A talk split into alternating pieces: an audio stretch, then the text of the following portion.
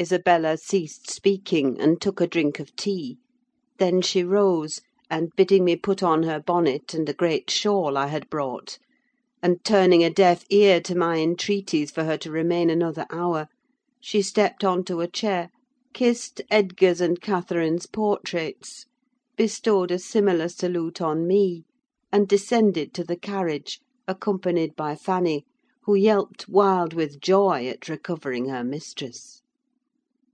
She was driven away, never to revisit this neighbourhood; but a regular correspondence was established between her and my master, when things were more settled.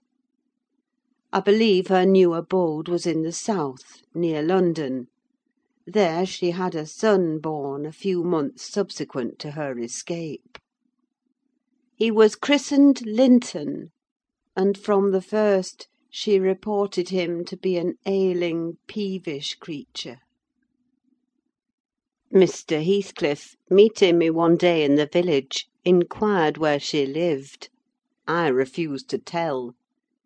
He remarked that it was not of any moment, only she must beware of coming to her brother: she should not be with him, if he had to keep her himself. Though I would give no information, he discovered, through some of the other servants, both her place of residence and the existence of the child. Still, he didn't molest her; for which forbearance she might thank his aversion, I suppose. He often asked about the infant when he saw me; and, on hearing its name, smiled grimly, and observed, "They wish me to hate it too, do they?" "I don't think they wish you to know anything about it," I answered. "But I'll have it," he said, "when I want it: they may reckon on that." Fortunately, its mother died before the time arrived: some thirteen years after the decease of Catherine, when Linton was twelve, or a little more. On the day succeeding Isabella's unexpected visit, I had no opportunity of speaking to my master: he shunned conversation, and was fit for discussing nothing.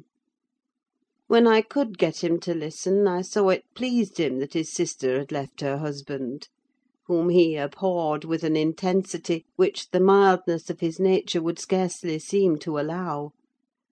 So deep and sensitive was his aversion, that he refrained from going anywhere where he was likely to see or hear of Heathcliff.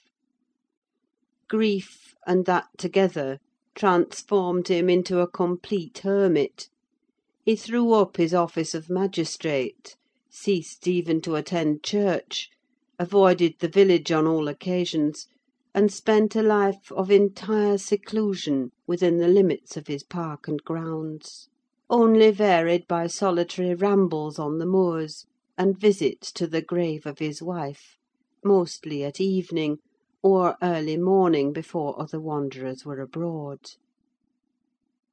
But he was too good to be thoroughly unhappy long. He didn't pray for Catherine's soul to haunt him. Time brought resignation, and a melancholy sweeter than common joy. He recalled her memory with ardent, tender love, and hopeful aspiring to the better world, where he doubted not she was gone. And he had earthly consolation and affections also. For a few days, I said, he seemed regardless of the puny successor to the departed. That coldness melted as fast as snow in April and ere the tiny thing could stammer a word or totter a step, it wielded a despot's sceptre in his heart. It was named Catherine, but he never called it the name in full, as he had never called the first Catherine short; probably because Heathcliff had a habit of doing so. The little one was always Cathy: it formed to him a distinction from the mother, and yet a connection with her and his attachment sprang from its relation to her far more than from its being his own. I used to draw a comparison between him and Hindley Earnshaw, and perplex myself to explain satisfactorily why their conduct was so opposite in similar circumstances. They had both been fond husbands, and were both attached to their children; and I could not see how they shouldn't both have taken the same road, for good or evil. But, I thought in my mind, Hindley, with apparently the stronger head, has shown himself sadly the worse and the weaker man. When his ship struck, the captain abandoned his post, and the crew, instead of trying to save her, rushed into riot and confusion, leaving no hope for their luckless vessel. Linton, on the contrary, displayed the true courage of a loyal and faithful soul: he trusted God, and God comforted him. One hoped, and the other despaired. They chose their own lots, and were righteously doomed to endure them. But you'll not want to hear my moralising, Mr. Lockwood: you'll judge, as well as I can, all these things. At least, you'll think you will, and that's the same. The end of Earnshaw was what might have been expected: it followed fast on his sister's; there were scarcely six months between them. We at the Grange never got a very succinct account of his state preceding it. All that I did learn was on occasion of going to aid in the preparations for the funeral. Mr. Kenneth came to announce the event to my master. "Well, Nelly," said he, riding into the yard one morning, too early not to alarm me with an instant presentiment of bad news, "it's yours and my turn to go into mourning at present. Who's given us the slip now, do you think?" "Who?" I asked in a flurry. "Why, guess!" He returned, dismounting, and slinging his bridle on a hook by the door. "And nip up the corner of your apron: I'm certain you'll need it." "Not Mr. Heathcliff, surely?" I exclaimed. "What, would you have tears for him?" said the doctor. "No, Heathcliff's a tough young fellow. He looks blooming to day: I've just seen him. He's rapidly regaining flesh since he lost his better half. "Who is it, then, Mr. Kenneth?" I repeated impatiently. "Hindley Earnshaw: your old friend Hindley," he replied; "and my wicked gossip, though he's been too wild for me this long while. There! I said we should draw water. But cheer up! he died true to his character, drunk as a lord. Poor lad! I'm sorry too. One can't help missing an old companion: though he had the worst tricks with him that ever man imagined, and has done me many a rascally turn. He's barely twenty seven, it seems: that's your own age. Who would have thought you were born in one year?" I confess this blow was greater to me than the shock of Mrs. Linton's death. Ancient associations lingered round my heart. I sat down in the porch, and wept as for a blood relation; desiring Mr. Kenneth to get another servant to introduce him to the master. I could not hinder myself from pondering on the question, had he had fair play? Whatever I did, that idea would bother me: it was so tiresomely pertinacious that I resolved on requesting leave to go to Wuthering Heights, and assist in the last duties to the dead. Mr. Linton was extremely reluctant to consent, but I pleaded eloquently for the friendless condition in which he lay; and I said my old master and foster brother had a claim on my services as strong as his own. Besides, I reminded him that the child Hareton was his wife's nephew, and in the absence of nearer kin he ought to act as its guardian; and he ought to and must inquire how the property was left, and look over the concerns of his brother in law.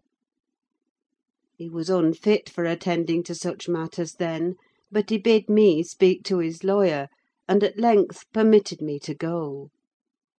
His lawyer had been Earnshaw's also. I called at the village and asked him to accompany me. He shook his head, and advised that Heathcliff should be let alone; affirming, if the truth were known, Hareton would be found little else than a beggar. "His father died in debt," he said. "The whole property is mortgaged, and the sole chance for the natural heir is to allow him an opportunity of creating some interest in the creditor's heart, that he may be inclined to deal leniently towards him." When I reached the Heights, I explained that I had come to see everything carried on decently; and Joseph, who appeared in sufficient distress, expressed satisfaction at my presence. Mr. Heathcliff said he did not perceive that I was wanted, but I might stay and order the arrangements for the funeral, if I chose. "Correctly," he remarked. "That fool's body should be buried at the cross roads without ceremony of any kind. I happened to leave him ten minutes yesterday afternoon, and in that interval he fastened the two doors of the house against me, and he has spent the night in drinking himself to death deliberately. We broke in this morning, for we heard him sporting like a horse, and there he was, laid over the settle, flaying and scalping would not have wakened him. I sent for Kenneth, and he came, but not till the beast had changed into carrion. He was both dead and cold and stark, and so you'll allow it was useless making more stir about him." The old servant confirmed this statement, but muttered, "I'd rayther he'd gone hisself at doctor. I sud ha' ta'en tent t' maister better nor him; and he warn't deead when I left, nought o' t' sort." I insisted on the funeral being respectable. Mr. Heathcliff said I might have my own way there too; only he desired me to remember that the money for the whole affair came out of his pocket. He maintained a hard, careless deportment, indicative of neither joy nor sorrow. If anything, it expressed a flinty gratification at a piece of difficult work successfully executed. I observed once, indeed, something like exultation in his aspect. It was just when the people were bearing the coffin from the house. He had the hypocrisy to represent a mourner, and previous to following with Hareton, he lifted the unfortunate child on to the table, and muttered with peculiar gusto, "Now, my bonny lad, you are mine; and we'll see if one tree won't grow as crooked as another, with the same wind to twist it." The unsuspecting thing was pleased at this speech. He played with Heathcliff's whiskers, and stroked his cheek; but I divined its meaning, and observed tartly, "That boy must go back with me to Thrushcross Grange, sir. There is nothing in the world less yours than he is." "Does Linton say so?"